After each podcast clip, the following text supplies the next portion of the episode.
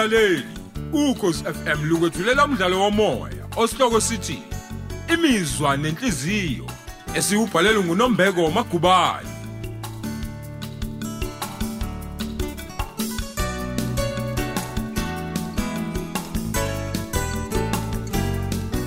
Thamela isiqephu seshumi nesishiyagalolunye.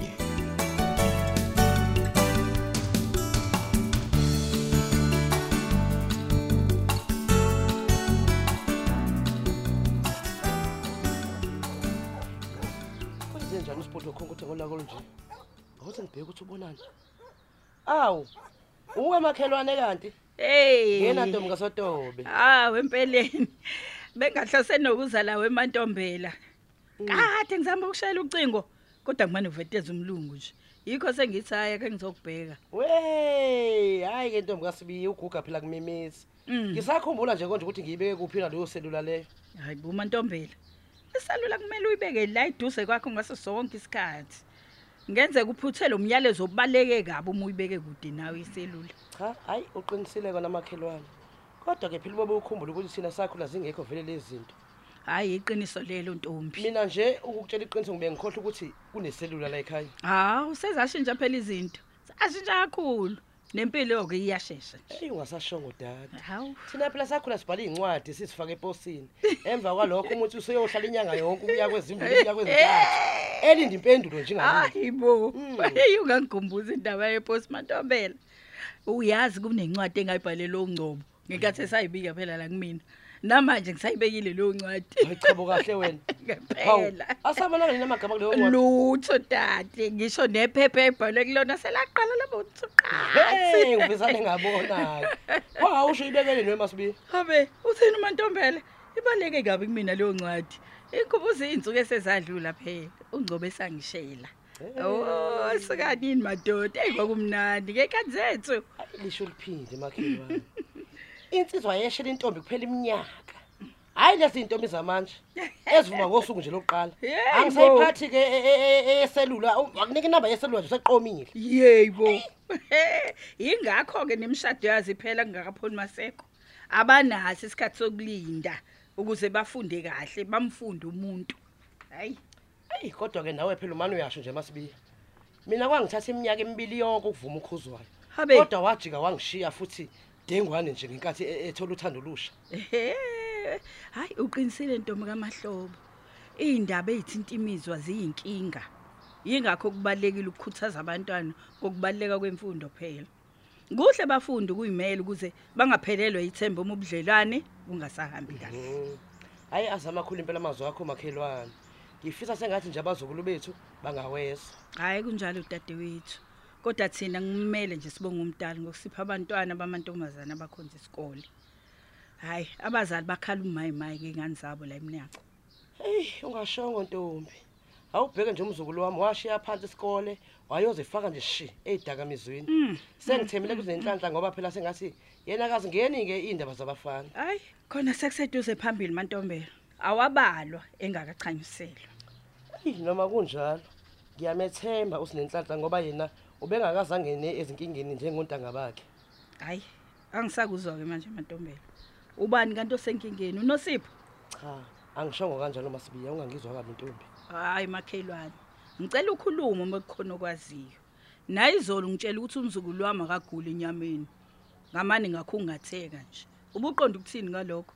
Cha makhelwane benga be- beng- bengiqonde Mm, makhelwane usuke ngizwa bengiqonde makhelwane. ukuthi umsebenzi wesikole phela u- u- umdalela ingcindezi u- u- unosipho yamazi ukuthi u- uthanda ukuphatha ngo- ngo- ngokwedlulele nawe into yazi kahle nawe leyo Hayi ngiyakuzwa. Hayi ushaye khona makhelwane. Umzukulu wami ukhonza ukuphuma phambili. Hawu, uyazi cishe ngakhohle. Ubusuzwile nje ukuthi noma isintuli uzoqala amaklasi engeziwe. hayibo lutho masibiya zaze zamnandi ke lezo indaba nkosi yami Hayi kunjalo makhelwane. Hawu. Uthisha nje wethembisa ukusebenza ngokuyikhandla ngakho asekho isidingo sokubhalela umbomvu. hawu ngiyajabula ukuzwa lokho ke wemasibiya usinenhlanhla behlalela ovalweni phela ukuthi uzofeyila mhlambe Hayi sengakhululeka umzukulu wakho ngoba konke sekulungile khamba ngomumo. Abazukulu bethu bazophuma ephephandabeni kulonyaka. hawu Hayi ake ngikushiye intombi kaMahlobo. Ngisafuna ukuthi ishelele ezitolo. kusasa ngizoya kolanda imishanguzo yami kashukela emtholampilo khona amaphilisi engizocela nje udokotela ngishintshele wona hayi hayi hayi awangiphathi neze kahle Oh kulungile ke sotobe. Sengathi uhamba kahle ntombi emtholampilo. Sizobuye sibonane. hayi kulungile mahlo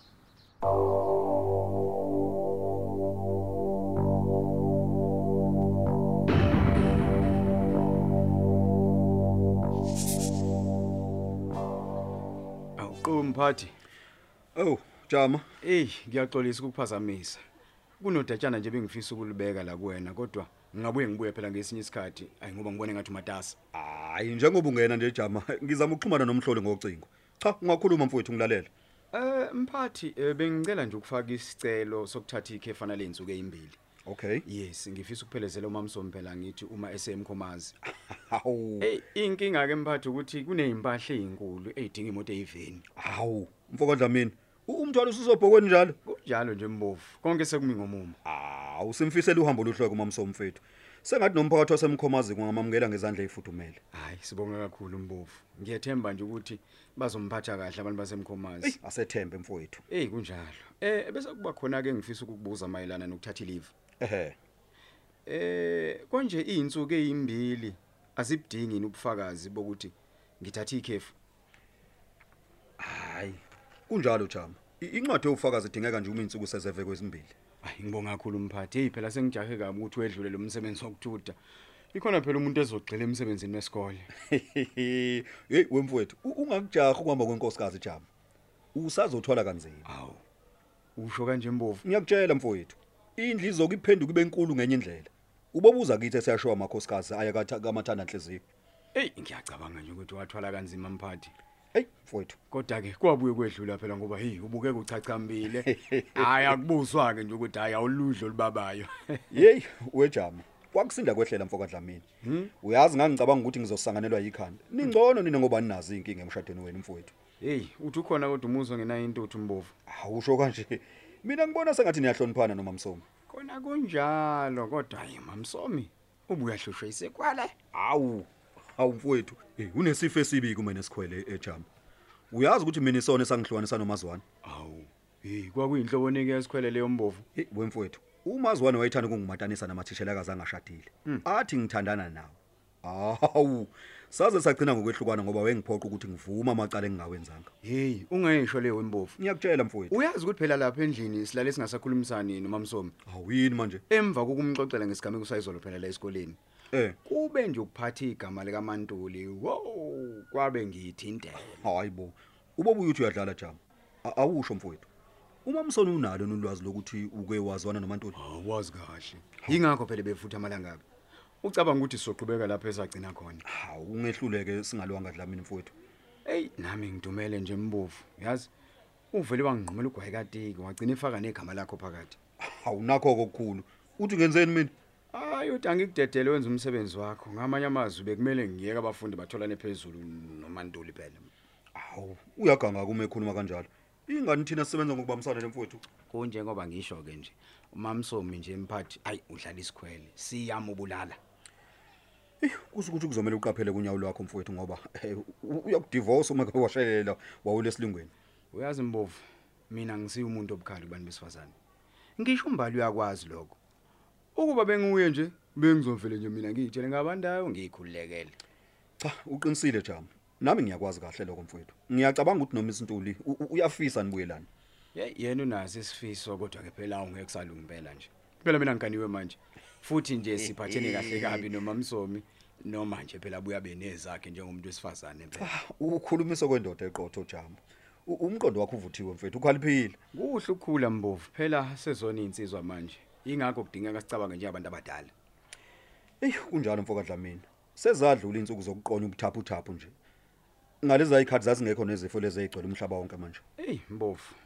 Kwafika ogcunsula nongculazi la umhlaba wajika. Hey.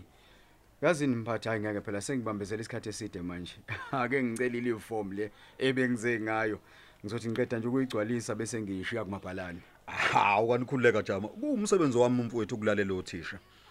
Hayi mphathi ngibonga kakhulu. U- Uthi ke indlela enhle lapho kumamsomo mfowethu. Hayi mbovu ngiyokwenza njengoba ushilo nje. Lungile mfowethu.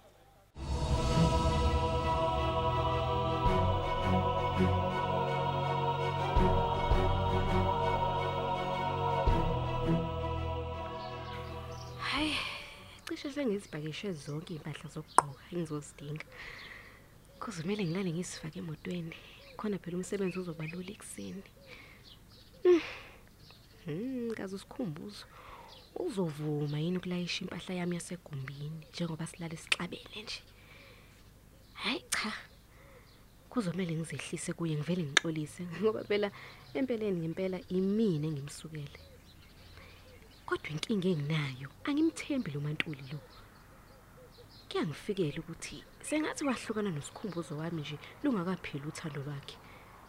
Hmm, kodwa nkosi yami mhlawumbe lizovuka nje njengoba ese- esezozwa phela ukuthi sengisemkhomazi eyi kodwa ngempela ngempela kwenziwa yini ukuthi nami ngingayicabangi nje indaba yalo muntu wesifazane ngesikhathi sokuthi phela ngithatha isinqumo sokuthi ngiyasifaka ngempela isicelo? Eyi uyazi nkosi yami bengeke nje mina ngivume ukuya emkhomazi angeke phela kulunge ukuthi ngishiye umantuli. Achithe umuzi wami mina sengusebenzele kangaka ngiwakha. Hey kodwa uNkulunkulu wami. Cha akwengihlukane nemicabango engeke isangisiza ngalutho. Angethemba ukuthi usikhumbuzo uzongixolela. Hey ngena ngena baba kuvuliwe. He ntombi. Awu. Uduma usikhumbuzo khanda lakho he? kade wena um nomusa waze wangizuma ke mngani wami bengingakulindele Habe, uthini umbali? Hayibo, phela bungekuhambe nje ngavalela isangagela. Hawu owazini ukuthi inhliziyo yami ibalisa kanjani onjengoba uhamba. Ngifisa sengathi nje ungahlala noma inyanga ke eyodwa ukuze ungifundise Weyake. umsebenzi. Oh, hawu. Yazi ngizima kanjani ungena ecatlweni zakho? Hayi suka. Ungakhathazeki wena nomusa? Uzojwayela Hayi oh. lunye kuphela nje usuku oluba matasatasa okwedlula olunye ke la emtholampilo. Usho clinic day mngani. ngqo alukho kolunye mngani wami. Kusuka kungadlalwa phela ngolwesithathu lweklinikhi. Kusuka nesinedolo sifuna ukubona udokotela. Hebe oh lapho ke nje ama off arm abejwayele ukuqondana nezinsuku zeclinic. Ingakho nje ngingazi ukuthi ngizothathani ngihlanganise nani mangabe usuhambile we oh ngisangene nje. cha nomusa. Ngikhumbula kahle ukuthi phela wena wawukhona kwi- kwi-clinic day lesigcine ngayo uzokwenza lokhu ke ebengikwenza kuzomele u- uqale nje mngani usuku lakho ngomthandazo u- ukhuleke ubikele uJehova ngakho konke izinkinga nezincini hamba nakho konke okunye hayi mnganami Unga- unga- ungalokhu nje uyihlupha ngalokho Hey oh waze wangiqinisa idolo mbali yazi. Seke ngikhanyela ke manje ukuthi hayi ngizongena shi ecatlweni zakho oh. Azi nje bengiloke nginovalo ngithi ewe ma kodwa nje sengiyabona ukuthi hayi no. Mhm. Ngizolibamba lishisa. yebo ke cha futhi ke mnganami ngiyayithanda nje indlela ozethemba ngayo mngani futhi kuyabonakala ukuthi uyabona ke manje hayi sisi usunyathela ngolunye unyawo Hey ngiyabonga mbali oh hey yize noma nje phela inkulumo yakho izwakala sengathi ino but phakathi. hayi suka mngani emaqinisweni ke nawe uyayazi phela inkinga yakho yokubuya ungahloniphi Hawu. okay hayi kodwa khumbula ke mngani wami usuzophatha abantu manje uhloniphe nomusa uhloniphe ozakwenu uthobela abaphathi abakhulu mngani wami kodwa nje okukhulu kunakho konke mngani kuzomela uhloniphe iziguli mngani futhi ayi yabona ke leyo kuthethisa abantu abadala iyeke mngani iyeke Hayi oh ngizwa kahle. And futhi nje ngiyabonga oh ngokuthi ungiyadli. Angivalelise mngani. Khona nawe nje uzoqedela ukupakisha.